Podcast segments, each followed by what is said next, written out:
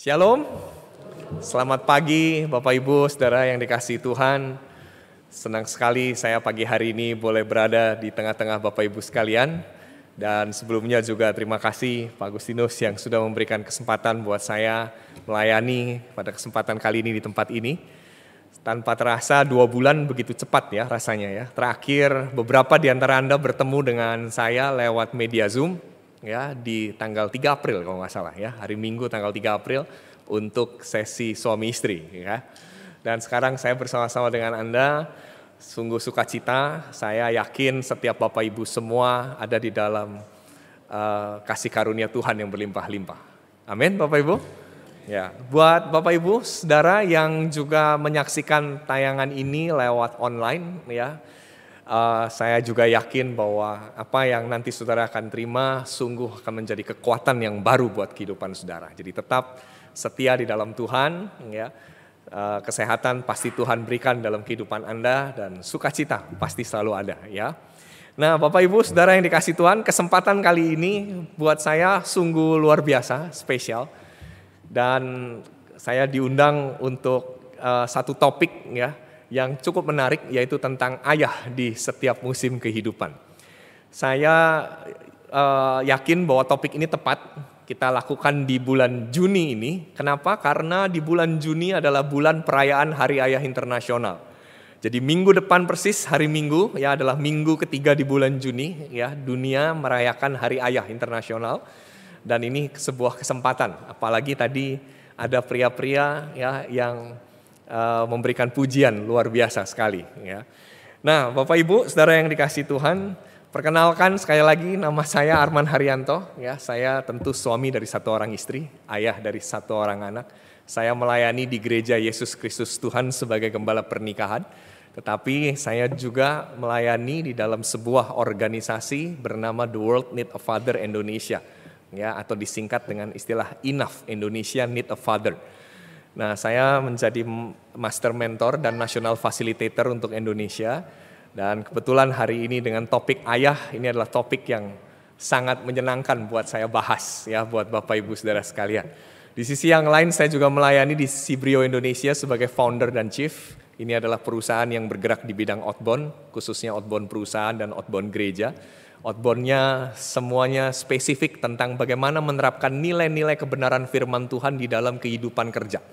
Ya, jadi topiknya mungkin terlihat sekuler tapi pesan-pesannya semua kebenaran firman Tuhan. Ya, itu sekilas perkenalan saya buat Bapak Ibu yang mungkin belum pernah jumpa dengan saya.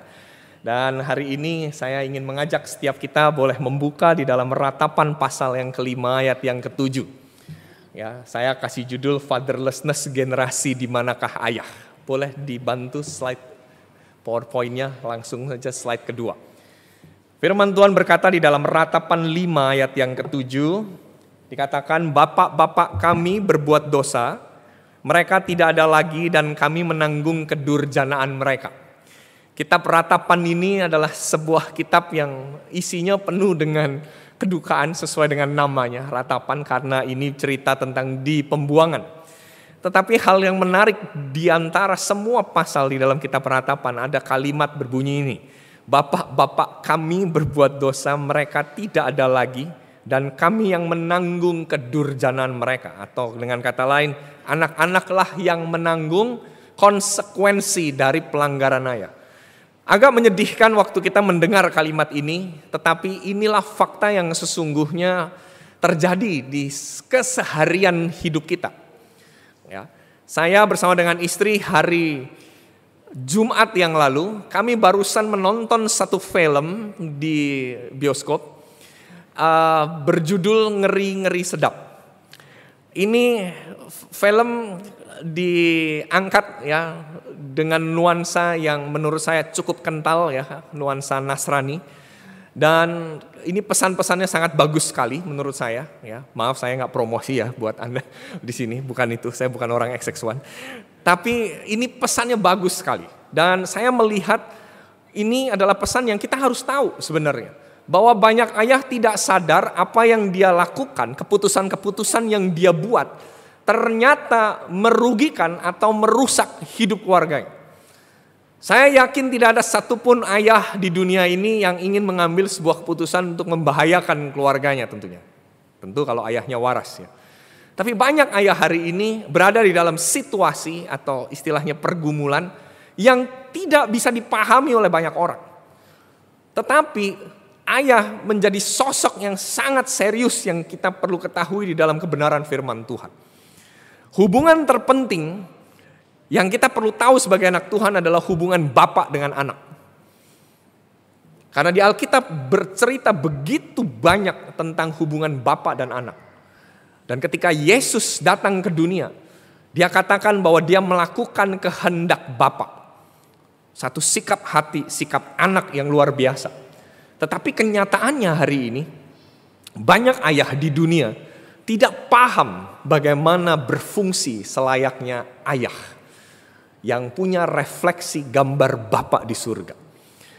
Nah, oleh karena itu, jangan biarkan kita sebagai ayah atau keluarga kita memiliki ayah yang jauh gambarannya dari kebenaran firman Tuhan.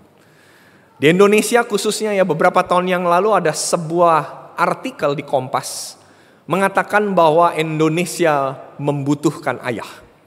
Ditulis seperti itu. Kenapa peran ayah begitu kurang di Indonesia? Karena banyak ayah sibuk dengan pekerjaan dan itu bukan hal yang keliru tentunya. Tetapi banyak ayah tidak mengalami yang namanya keseimbangan. Tidak punya figur yang benar. Tentu kita tahu di dunia ini tidak ada sekolah khusus ayah. Dan juga tidak ada sekolah khusus ibu. Sama-sama perlu belajar, sama-sama perlu berjuang. Tapi kita bersyukur sebagai anak Tuhan, kita punya Alkitab, kita punya firman Tuhan yang memberikan contoh, yang memberikan teladan. Dan bukan hanya itu, kalau kita mau belajar jadi ayah, firman Tuhan katakan apa? Belajarlah dari Yesus. Dikatakan bahwa tidak ada seorang pun yang dapat datang kepada Bapa kalau tidak melalui aku, kata Yesus. Berarti belajar menjadi Bapa adalah belajar menjadi serupa dengan Yesus. Pertanyaannya sekarang, betapa seperti apa dahsyatnya peran ayah. Next slide please. Ketiadaan ayah itu ternyata punya efek lebih besar daripada masalah ketiadaan seorang ibu. Mungkin para ibu di sini merasa, wah ini gak bener ini. Ngerasa kesannya bahwa ayah segala-galanya, ibu bukan segala-galanya. Bukan, bukan begitu. Ya, saya tetap percaya ayah dan ibu adalah sosok yang Tuhan berikan di dalam kehidupan kita supaya ada gambaran yang utuh tentang Tuhan, ya, gambaran yang utuh. Tetapi ketika seorang ayah memilih untuk tiada, tiada di sini bukan bicara soal meninggal dunia secara fisik, tetapi tiada artinya membiarkan atau meninggalkan. Ternyata efeknya jauh lebih besar. Dan bahkan Casey Carton sebagai pendiri The World Need a Father dia katakan ayah adalah pelaku utama yang menyebabkan banyak ketidakmampuan di dalam hidup anak-anaknya. Nah saudara, ada lima hal yang Casey Carton ungkapkan berdasarkan FIRA. FIRA adalah Father Involvement Research Institute yang sudah dilakukan riset ini puluhan tahun saudara. Dia mengatakan begini, ketidakhadiran seorang ayah bisa menggambarkan ketidakhadiran Tuhan. Putusnya komunikasi dengan seorang ayah menggambarkan putusnya komunikasi dengan Tuhan. Banyak ayah nggak sadar peran ini, saudara. Banyak ayah tidak lagi mau membangun komunikasi yang benar sama anak-anaknya. Mungkin banyak ayah bilang ini, Pak saya sudah berkomunikasi dengan dengan anak-anak saya. Komunikasi mungkin diterjemahkan sebagai cara untuk berbicara. Tetapi Edwin Lewis Cole mengatakan bahwa seni komunikasi tidak terletak pada kemampuan berbicara, melainkan kemampuan untuk mendengar. Jadi berkomunikasi dengan ayah berarti ada proses mendengar. Ayah yang mendengar sepertinya hari-hari ini langka. Banyak ayah tidak mau mendengar apa yang anaknya alami. Banyak ayah hari ini kehilangan kemampuan mendengar uh, mendengar anak-anaknya ketika anak-anaknya mengalami pergumulan yang ada di sekolah. Banyak ayah tidak peduli. Banyak ayah berpikir sekolah pendidikan itu urusan ibu, bukan urusan ayah. Saya bersyukur di Surabaya ada satu sekolah, anaknya baru boleh diterima kalau ayahnya ikut seminar ayah. Kalau Anda punya sekolah, saya pikir ini ide yang sangat bagus sekali. Anak tidak boleh daftar sekolah kalau ayahnya tidak dulu ikut seminar tentang ayah. Ini hal yang penting sekali. Saudara, banyak anak bilang begini, saya tahu Tuhan bersama saya papa, tetapi yang saya butuhkan saat ini adalah seorang yang terlihat. Anak-anak tahu dia perlu Tuhan, anak-anak ngerti ada Tuhan. Tetapi dia nggak ngerti gambaran tentang Tuhan seperti apa. Nah ini harusnya muncul dalam kehidupan seorang ayah. Sedihnya adalah dua tahun terakhir ini dengan COVID-19 saya melihat ada banyak keluarga kehilangan ayah. Banyak anak-anak kehilangan orang tuanya. Saya baru saja um, membuat sebuah seminar buat anak-anak. Dan saya temukan ada 10% dari sebuah sekolah anak-anak itu kehilangan ayah di masa pandemi. Kasian sekali. Dan mereka benar-benar kehilangan figur ayah. Anak-anak yang kehilangan figur ayah, dia sangat mungkin kehilangan atau ngalamin yang namanya terdistorsi terhadap figur Tuhan di dalam kehidupannya dia. Makanya ayah mesti hadir. Hadir bukan berarti fisiknya saja, tetapi keberadaannya, sikapnya, perannya, nilai-nilainya. Ayah harus hadir. Banyak ayah ada di rumah, tapi yang dia lakukan di rumah nonton bulu tangkis. Banyak ayah ada di rumah, tapi di rumah kerjaannya makan, tidur, kerja.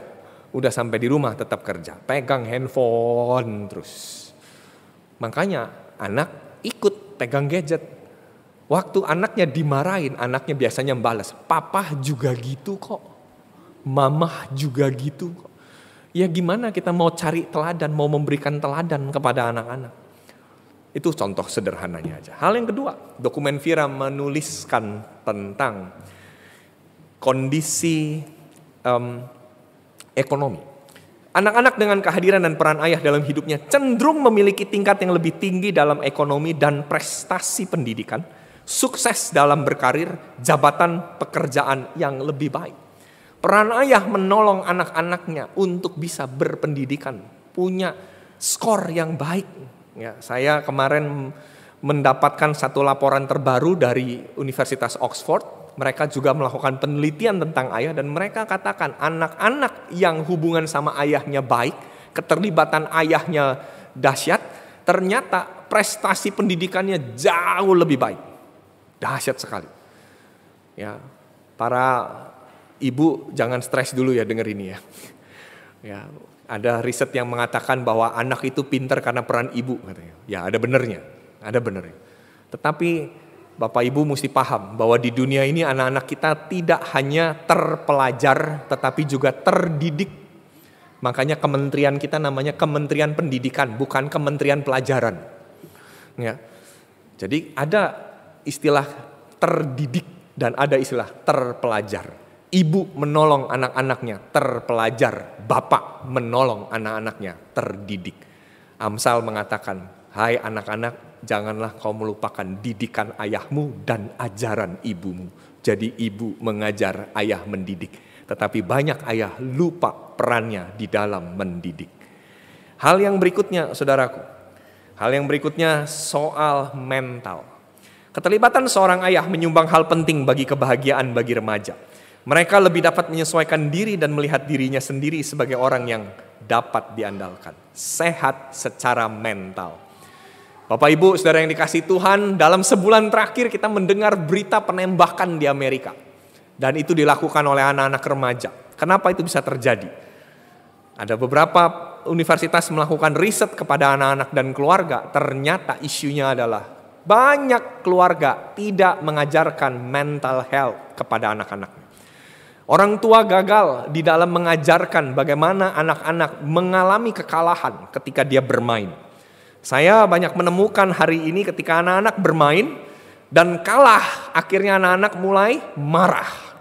Ketika dia marah, dia banting mainannya, dia buang dan dia mulai kata-katain saudaranya, kakaknya, adiknya yang lain karena dia kalah.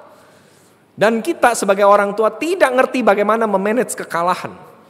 Seharusnya kita mengajarkan kepada anak-anak kita berjumpa dengan kekalahan dan bagaimana punya sikap yang baik di dalam kekalahan. Lihat apa yang terjadi hari-hari ini, tidak hanya di negeri orang lain tapi juga di negeri kita. Ketika kalah, yang terjadi adalah protes. ketika kalah yang terjadi melakukan tindakan-tindakan yang tidak bermoral, yang tidak beretika. Kenapa? Karena nggak pernah diajarkan untuk gentle, tidak diajarkan untuk sportif pada waktu kalah. Anak-anak mesti siap menghadapi kekalahan dan orang tua bertanggung jawab untuk melatih itu. Siapa orang yang bertanggung jawab untuk melatih mental anak-anaknya? Papa. Kenapa? Karena papa adalah gambaran Bapa di surga. Dia harus bisa menunjukkan ketika Bapak di surga kehilangan anaknya, ketika Bapak di surga mengutus anaknya datang ke dunia, apa yang Bapak surga, Bapak di surga lakukan. Sikap seperti inilah yang harusnya juga kita miliki harusnya ya di dalam keluarga kita. Mental health hari ini jadi isu ya. Dikit-dikit kepengen healing katanya. Tapi kita nggak pernah belajar healing yang sesungguhnya seperti apa. Healing yang seharusnya terjadi di dalam rumah kita harusnya. Melatih anak-anak harusnya dilatih bagaimana cara mereka menghadapi kekalahan. Sebentar lagi anak-anak kita akan liburan. Ayo para ayah, apakah Anda sudah menyiapkan waktu bersama, berlibur bersama dengan anak-anakmu? Apakah kita mau mengajarkan satu nilai-nilai kebenaran firman Tuhan selama liburan? Mari diatur. Saya berusaha untuk mengatur jadwal liburan anak saya. Setiap kali anak saya masuk di dalam periode sekolah tertentu, yang saya tanya sama anak saya kapan liburnya. Kenapa saya tanya kapan liburnya? Kapan libur mid? Kapan libur semester? Supaya saya bisa mengatur hal-hal yang baik bersama-sama dengan dia, saudara. Mereka perlu ditolong. Pada waktu mereka ngalamin kesusahan, ayah ada di mana? Banyak ayah selalu berpikir, oh anak-anak susah udah biar dia ngurus sendiri. Tapi kita nggak pernah ngajarin mereka bagaimana cara mereka menghandle kekalahan, bagaimana cara mereka menghandle masalah yang ada di sekolah. Kita perlu menolong mereka. Dengan cara apa? Ayahnya mesti dekat dong dengan Tuhan. Ayahnya punya kualitas hubungan sama Tuhan dengan baik. Hal yang berikutnya, saudaraku, secara fisik. Ah, ini contohnya lebih banyak lagi. Ketidakhadiran seorang ayah berkontribusi kepada sejumlah penyakit fisik kepada anak-anak. Anak-anak yang tidak tinggal dengan ayahnya mempunyai kesempatan lebih tinggi terkena asma dan lebih sering berada di ruang gawat darurat. Saya tadinya berpikir ini hanya terjadi di luar negeri. Tapi ternyata saya menemukan kenyataan keluarga saya sendiri. Ada saudara sepupu yang ayahnya super sibuk, nggak pernah ngurusin anak. Ternyata anaknya keluar masuk rumah sakit terus. Betulan itu. Baru sembuh sakit ini, sakit lagi berikutnya. Terus seperti itu. Dan ternyata saya menemukan juga keluarga-keluarga yang lain juga mengalami kondisi serupa, saudara.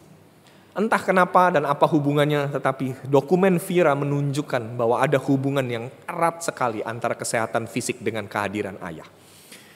Hal yang terakhir saudaraku soal keterlibatan ayah bicara soal hubungan sosial. Keterlibatan seorang ayah memungkinkan anak memiliki hubungan persahabatan lebih baik. Berkurangnya tingkat agresi dan konflik. Dalam jangka panjang memiliki pernikahan yang sukses dan kecil kemungkinan untuk bercerai. Saudara, tahu nggak hubungan suami istri ini adalah gambaran tentang hubungan Kristus dengan jemaatnya. Ketika anak-anak melihat papa dan mamahnya akur, dia sebenarnya sedang melihat hubungan Kristus dengan jemaatnya. Tapi banyak keluarga hari ini nggak pernah sadar tentang hal itu. Baca kembali Bapak Ibu Efesus 5, Bapak Ibu, ayat 22. Di situ berbicara tentang hubungan. Jadi kita nggak bisa abaikan ini, saudaraku. Mari Bapak Ibu, saudara yang dikasih Tuhan, Anda yang khususnya sudah jadi ayah. Pahami betul bahwa kehadiran Anda tuh hal yang serius buat anak-anak Anda. Satu kali di Amerika melakukan survei, berapa lama waktu yang diberikan seorang ayah kepada anak-anaknya? Ternyata jawabannya hanya 12 detik satu hari. 12 detik. 12 detik itu cuma nanya begini, Hai nak, hari ini sekolahmu bagaimana? Cuma ditanya begitu dan mereka merasa bahwa oh saya care kok sama anak-anak, buktinya saya tahu anak-anak saya sekolahnya baik. Dengan 12 detik pertanyaan Anda bisa tahu kehidupan anak-anak saudara? Belum tentu. Saudara. Saudara, berapa lama Anda spend waktu bersama dengan anak-anak Anda tanpa gadget? Berapa lama Anda spend waktu bersama dengan anak-anak Anda membicarakan tentang kebenaran? Jangan salahkan kalau nilai-nilai dunia masuk dalam hidup anak-anakmu karena engkau nggak pernah masukin nilai-nilai kebenaran firman Tuhan dalam hidupnya dia. Saudara, nilai-nilai apa yang harusnya kita masukkan ke dalam kehidupan anak-anak kita? Nilai-nilai kebenaran firman Tuhan. Hal yang berikutnya saudara yang saya mau bahas hari ini adalah soal perlakuan. Banyak ayah salah memperlakukan anak-anaknya. Ayub 39 ayat 16 17. Ia memperlakukan anak-anaknya dengan keras seolah-olah bukan anaknya sendiri. Ia tidak peduli kalau jerih payahnya sia-sia karena Allah tidak memberikannya hikmat dan tidak membagikan pengertian kepadanya. Menarik sekali ya, dikatakan ia memperlakukan anak-anaknya dengan keras. Siapakah yang dimaksud dengan ia? Ternyata ayat 13 sampai ayat 15 memberikan contoh, memberikan penjelasan. Ternyata ia yang dimaksud adalah burung onta. Jadi ayah yang memperlakukan anak-anaknya salah adalah ayah burung onta. Tipenya seperti ini, saudara. Ya, ini bukan ucapan saya ya, ini firman Tuhan ya di Ayub. Dengan riang, sayap burung onta berkepak-kepak, tetapi apakah kepak dan bulu itu menaruh kasih sayang? Sebab telurnya ditinggalkannya. Bayangin berapa banyak hari ini keluarga, istri melahirkan, ayah tidak hadir. Berapa banyak hari ini ketika istri Anda melahirkan, ayah tidak mempersiapkan nama. Saya baru aja ketemu tiga hari yang lalu dengan salah satu staf di kantor saya. Ya dia istrinya barusan melahirkan dan saya tanya, Pak selamat ya buat kelahiran anak pertamanya cowok. Oh iya Pak terima kasih. Terus saya tanya sama dia, namanya siapa? Iya nih Pak belum ketemu. Anaknya udah lahir satu minggu saudara. ya, sudah lahir seminggu yang lalu. Tiga hari yang lalu saya WA dia ucapin terima kasih. Ucapin selamat gitu kan Terus dia bilang, dia belum siapin nama anaknya. Saya bilang, Pak gimana mungkin Pak belum siapin nama? Iya Pak, belum kepikir. Lah terus manggilnya apa? Ya udah dipanggil Ade aja. Saudara tahu nggak isu LGBT? Saudara ada seorang hamba Tuhan meneliti akar dari gerakan LGBT adalah masalah identitas. Kenapa identitas, saudara? Ketika identitas tidak terbangun dengan baik, jangan salahkan anak-anakmu untuk mereka galau dan bingung soal gendernya. Saudara, identitas itu jadi tanggung jawab loh seorang ayah untuk dia berikan, saudara. Nanti saya tunjukin ayatnya ada di mana. Dan Bapak di surga melakukannya kepada Yesus. Hal yang berikutnya, dibiarkannya menjadi panas di dalam pasir. Dibiarkan. Banyak ayah hari ini melakukan pembiaran. Ada satu sahabat saya membuat satu statement bagus sekali. Segala sesuatu yang dibiarkan pasti terjadi penurunan. Anda membiarkan anak-anak Anda masuk dalam hal-hal yang salah, tapi Anda tidak pernah mau mengkoreksinya. Jangan salah kalau dia nanti pada waktu dia sudah dewasa, dia melakukan pelanggaran-pelanggaran hukum. Sehari yang lalu saya terima video dari seorang sahabat saya lewat Instagram. Video berdurasi hanya 20 detik saja. Itu adalah rekaman dari seorang terpidana yang diadili. Dan dia bilang begini. Ibu, Bapak, kenapa saya dulu waktu masih kecil mencuri permen Anda biarkan? Bahkan waktu saya mengambil sesuatu dari teman di tetangga, Anda malah membelanya dan mengatakan, "Tidak, anak saya tidak mencuri." Hari ini saya jadi pencuri dan jadi pembunuh karena saya tidak pernah tahu ada yang mengajarkan bahwa itu boleh. Ironis. Ironis sekali. Banyak orang tua membiarkan. Membiarkan. jangan, jangan membiarkan. Kita harus terlibat aktif Berikutnya, bahwa telur itu dapat terpijak kaki dan diinjak-injak oleh binatang liar. Kita membiarkan anak kita hari ini dibully. Kita membiarkan anak-anak kita hari ini berpakaian yang tidak pantas. Kita hari ini membiarkan anak-anak kita masuk media sosial tetapi belum waktunya. Saya juga pengen melancarkan protes sebenarnya kepada Komisi Perfilman Indonesia ada beberapa film-film saudaraku yang menurut saya tidak layak untuk ditonton untuk anak-anak semua umur tapi dikategorikan semua umur. Menurut saya tidak pantas. Banyak orang tua nggak paham. Ada batasan-batasan tertentu ketika kita menonton. Ditulis di situ 13 plus. Tetapi banyak orang tua masuk di dalam bioskop membawa bayinya yang baru berumur satu bulan. Mereka pikir anak-anak nggak ngerti. Saudara saya berjumpa dengan beberapa ahli otak lima tahun yang lalu di Afrika dan mereka mengungkapkan apa yang terjadi pada otak anak-anak dari usia 0 sampai dengan 25 tahun ketika mereka ada di bioskop, ketika mereka melihat gadget, ketika mereka menonton tayangan-tayangan yang tidak semestinya apa yang terjadi kepada otak anak-anak kita. Dan data itu sangat mengerikan. Tapi banyak dunia nggak pernah tahu. Saudara Steve Jobs, pendiri dari Apple, anaknya sendiri tidak bermain iPad. Pertanyaannya kenapa? Kenapa dia yang menciptakan tetapi dia nggak mengizinkan anak-anaknya menggunakan? Ada sesuatukah yang dia tahu kita nggak tahu? Kita harusnya lebih kritis dan bertanya, ada apa? Hmm.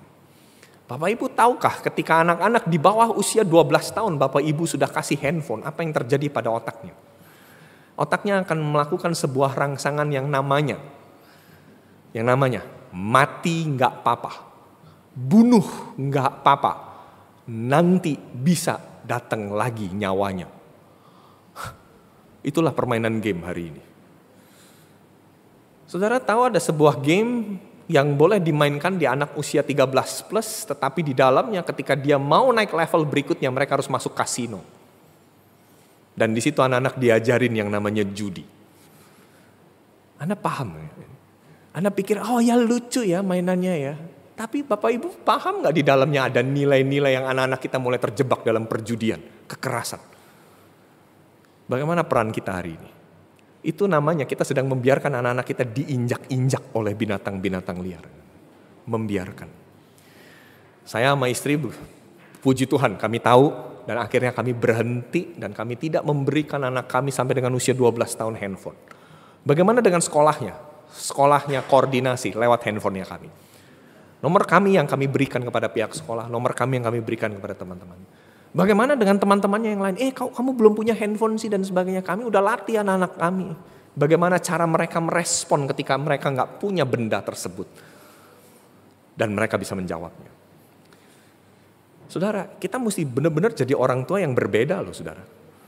Bukannya kita menjadi sama dengan dunia, tetapi kita berbeda dengan dunia. Bung Yesus sendiri yang bilang kok, ya kan? Kita ini berbeda dengan dunia. Kenapa kita mesti ngotot sama dengan dunia? Kita harusnya sama serupa dengan Kristus, bukan serupa dengan dunia. Wah banyak sekali PR saudaraku, sebagai seorang ayah dan ibu saudara. Ya. Hal berikutnya saudara, apa yang seharusnya kita lakukan? Ada lima sentuhan kehidupan. Bapak Ibu Saudara yang dikasih Tuhan ini cuma ringkasan sekali lagi ya. Jadi topik ini sebenarnya diangkat ya saya diminta untuk menyampaikan tema ayah di setiap musim kehidupan ini terinspirasi mungkin ya dari satu kelas pemuritan yang saya bersama dengan istri lakukan ya tentang fatherhood ya tentang kehidupan seorang ayah ya sebenarnya materi ini adalah materi pemuritan untuk 6 sampai dengan 8 kali pertemuan setiap kali pertemuan 2 jam setengah sampai dengan 3 jam bersama-sama dengan diskusi eh, hari ini saya kasih Bapak Ibu untuk icip-icip dulu aja ya untuk melihat ya kira-kira apa yang akan dibahas nantinya di dalam pemuritan tersebut. Lima sentuhan kehidupan, spiritual, emosional, sosial, fisikal, intelektual. Orang tua, khususnya ayah, harusnya paham area spiritual anak itu penting. Bagaimana ayah bisa menolong anak-anaknya mengalami Tuhan. Ya. Anak-anak mengenal Yesus sebagai Tuhan dan Juru Selamat ada di mana? Ada di ibadah anak ataukah ada di rumah? Masalah tempat gak penting sebenarnya. Tetapi harusnya orang tua dong yang bertanggung jawab untuk membawa anak-anaknya mengenal Yesus sebagai Tuhan dan Juru Selamat. Itu spiritual. Emosional hari ini, apakah orang tua mengajarkan kepada anak-anaknya bagaimana punya respon emosi dengan baik? Kita sering kali jadi orang tua piala, yang kerjanya hanya ngelihat skor anak di sekolah, ranking berapa, dapat juara apa, dan kita posting di media sosial ketika dia berhasil dan jadi juara. Nggak salah. Tetapi berapa banyak kita memposting anak-anak kita menang di dalam responnya dia waktu dia nggak marah, waktu kalah. Waktu dia gagal, waktu dia nggak menang. Dan respon dia adalah respon yang elegan, yang sportif, yang luar biasa. Kenapa kita nggak posting kekalahannya dia? Kenapa kita nggak posting di media sosial bagaimana respon anak-anak kita waktu dia lagi ngalamin kesulitan dan dia menang. Itu harusnya yang kita angkat. Supaya orang lihat, ih anakmu kok beda ya. Ketika anakmu ngalamin hal yang gak enak, kok anakmu bisa ya berespon dengan baik ya. Sisi emosi. Bukankah dunia hari ini bukan hanya mencari orang-orang yang tinggi IQ, tapi juga tinggi EQ, Bapak Ibu. Berapa banyak hari ini Bapak Ibu juga temukan di media sosial, di TV, bahkan di jalan. Baru dipotong sedikit aja sama bajai udah ngamuk-ngamuk. Pakai mukul lagi di pinggir jalan tol. maaf ya Bapak Ibu, saya harus bukakan ini apa adanya. Itu memalukan, serius memalukan. Lebih memalukannya lagi kalau di belakangnya ada stiker Gereja Metodis Indonesia. Semoga nggak bikin stiker ya. ya. Hati-hati Bapak Ibu sungguh ya. Wah mulai hari ini kayaknya semua stiker dicabut kayaknya ya. Oke, sosial sekarang. Sentuhan berikutnya sosial. Anak-anak kita perlu Bapak Ibu bergaul. Ngerti nggak anak-anak kita bergaul dengan baik? Kita mesti ukur, kita mesti temenin mereka, kita mesti bawa mereka masuk dalam komunitas yang sehat. Banyak anak-anak kita komunitasnya nggak sehat, komunitasnya online terus. Saya bersyukur ya, sekolah-sekolah sekarang udah mulai masuk ke pendidikan tatap muka. Ajak anak-anakmu untuk bertatap muka. Saya tetap percaya ada perlindungan kasih Tuhan buat hidup anak-anakmu. Pasti ada. Pasti Tuhan tolong. Pasti Tuhan jaga, saudara. Tentunya kita punya prokes yang baik. Ya. Saudara, anak-anak kita perlu bersosialisasi. Anak-anak kita perlu untuk berjumpa dengan teman-temannya. Perlu untuk ngobrol. Bukan cuma sekedar lewat layar. Bukan cuma sekedar lewat chatting. Lihat anak-anak yang hari ini kebanyakan chatting, bahasa Indonesianya nilainya jelek. Tahu kenapa? Karena chatting membuat tata bahasa jadi rusak. Nanya gini, woi, kirim. Di mana? Kirim. Subjek, predikat, objek nggak jelas. Nggak heran bahasa Indonesianya kurang. Suruh mengarang, suruh membuat paper, bingung. Kenapa? Karena kebiasaan tulisannya pendek-pendek, singkat, padat, tapi nggak jelas. Itu yang terjadi. Nah, kurang sosialisasi, kurang untuk mengungkapkan. Apalagi berikutnya, physical. Wih, banyak anak-anak hari ini umur masih muda, udah sakit sana, sakit sini. Umur belum 25 udah komplikasi macam-macam. Kenapa? Kerjanya duduk terus di depan layar, duduk terus di depan komputer. Lihat punggungnya anak-anak, lihat tulang belakangnya anak-anak mulai bengkok hari ini karena ngeliatin HP terus. Fisik. Saudara tahu kalau tulang belakangnya bungkuk terus buat anak-anak tahu efeknya apa? Sistem imun anak-anak bisa terganggu, saudaraku. Dan yang kedua, saudaraku, anak-anak kehilangan kemampuan pernafasan dengan baik. Karena pada waktu membungkuk, tulang yang ada di depan itu mengunci, saudara. Sahabat istri saya yang ada di Salatiga, anaknya online terus. Tiba-tiba dia kena satu penyakit, saya lupa namanya apa, tapi di kulit, saudaraku. Dia datang ke dokter ada apa? Pada waktu dicek, dokternya bilang, karena anak ini kurang kena sinar matahari. Bapak Ibu, hari ini hentikan Bapak Ibu untuk melihat tayangan-tayangan yang mengatakan bahwa anak cowok mesti putih kayak orang Korea. Enggak selamanya begitu, saudaraku. Ya kan? Hitam atau putih Tuhan sayang kok. Ya, ayo latih anak-anak kita berjemur. Ayo latih anak-anak kita olahraga di luar. Ayo latih anak-anak kita melakukan apa tindakan atau sesuatu yang fisiknya jadi sehat Bapak Ibu. Anak-anak cuma kerjanya duduk terus. Waktu pandemi kemarin akhirnya saya piara ikan, saudara. Tujuannya apa? Supaya anak saya bangun dari tempat duduknya dan bersihin akuarium ikan. Ayo nak berhenti nak, ayo bersihin dulu akuarium ikan. Dia gerak, dia cuci dan sebagainya, pindahin ikan dan sebagainya. Ada aktivitas. Ya nak, ayo nak, jemur dulu nak ikannya nak. Sambil dia jemur ikannya, dia juga jemur dirinya kan. Gitu. Itu salah satu bentuk latihannya. Ya, orang tua harus care sama kesehatan anak. Kesehatan gigi, kesehatan telinga, kesehatan mata. Dicek Bapak Ibu. Ini hal yang serius loh saudaraku. Banyak anak-anak hari ini kena sakit penyakit karena kita membiarkan. Yang terakhir, sentuhan yang terakhir adalah intelektual. Intelektual itu paling belakang justru. Ya, Saudara, bagaimana dengan intelektualnya? Apakah kita benar-benar mengajarkan anak-anak kita keseimbangan antara IQ dengan EQ-nya? Ya. Dia boleh pinter, tapi pinternya yang seperti apa? Kalau dia pinter dapat jawaban akhir, tapi dia tidak pinter dalam proses percuma. Hari ini orang menghendaki prosesnya juga benar. Anda bekerja itu perlu runtutannya benar. Maka hasilnya bisa benar. Nggak bisa main bypass. Kalau kita nggak pernah mengajarkan proses dengan benar, jangan salahkan kalau anak-anak kita jadi koruptor. Langsung main terobos saja. Kenapa? Karena intelektualnya nggak pernah diajarin untuk berproses, maunya hasil. Terus harusnya ayah seperti apa? Di dalam ulangan 32 ayat 11, laksana Raja Wali menggoyang bangkitkan isi sarangnya melayang-layang di atas anak-anaknya. Mengembangkan sayapnya, menampung seekor dan mendukungnya di atas kepaknya. Saya melihat ayat ini saudaraku, ada empat hal penting saudaraku di dalam ulangan 32 ayat 11. Menggoyang bangkitkan, ini bicara tentang apa? Identity, identity atau identitas. Kok bisa? Menggoyang bangkitkan isi sarangnya artinya gini. Dia membuat anak-anaknya itu jangan terlena diam saja. Dia harus belajar untuk terbang. Anak-anak Raja Wali harus dilatih supaya sadar bahwa identitasnya adalah seekor Raja Wali bukan ayam. Itu tugas. Hal yang kedua, melayang-layang. Ini bicara soal apa? Bicara soal otoritas moral. Bahwa anak-anak harus paham bahwa ada payung otoritas di atasnya dia. Makanya Efesus 6 mengatakan hormatilah ayahmu dan ibumu. Ya. Suruh dihargai, orang tua mesti dihargai dan sebagainya. Ini bicara soal otoritas moral.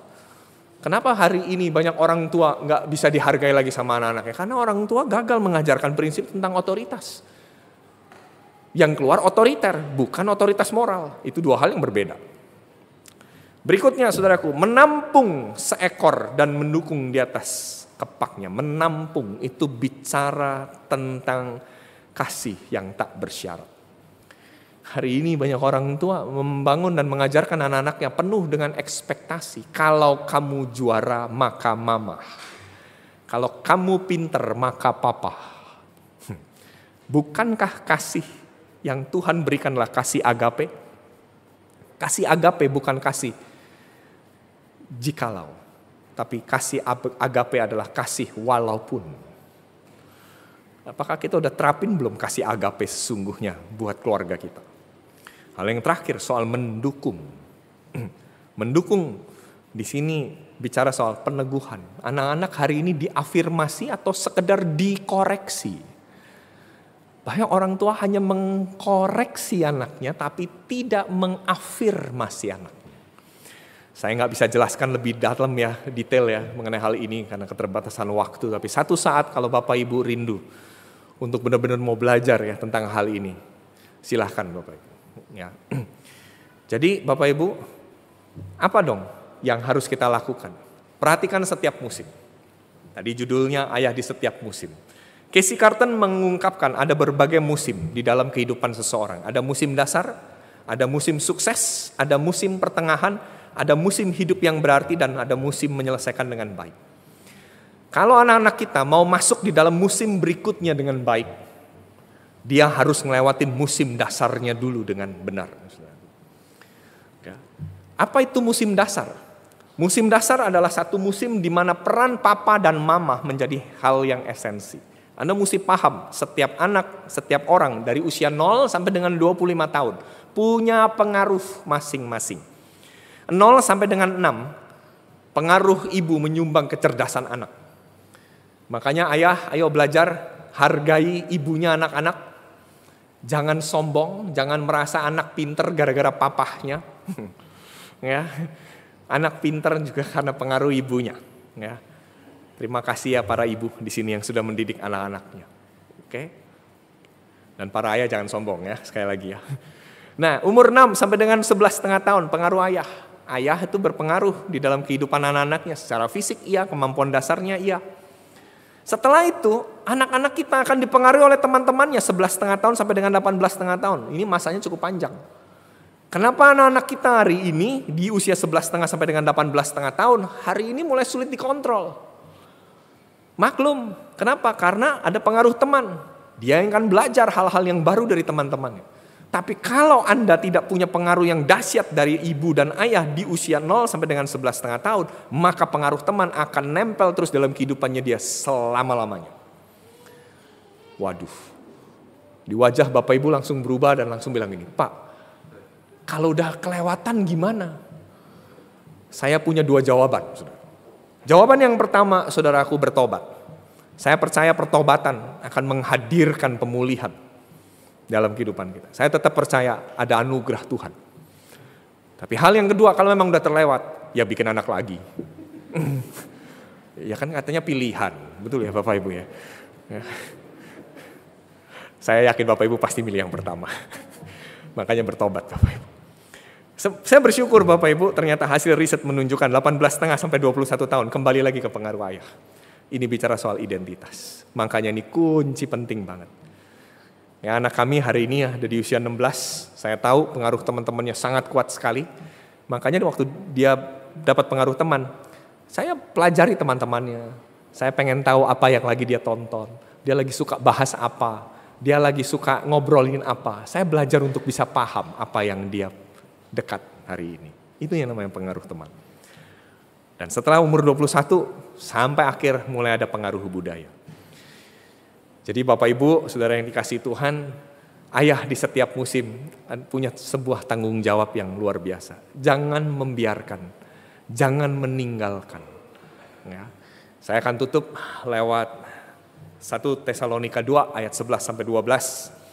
Kamu tahu betapa kami seperti Bapa terhadap anak-anaknya telah menasehati kamu dan menguatkan hatimu seorang demi seorang.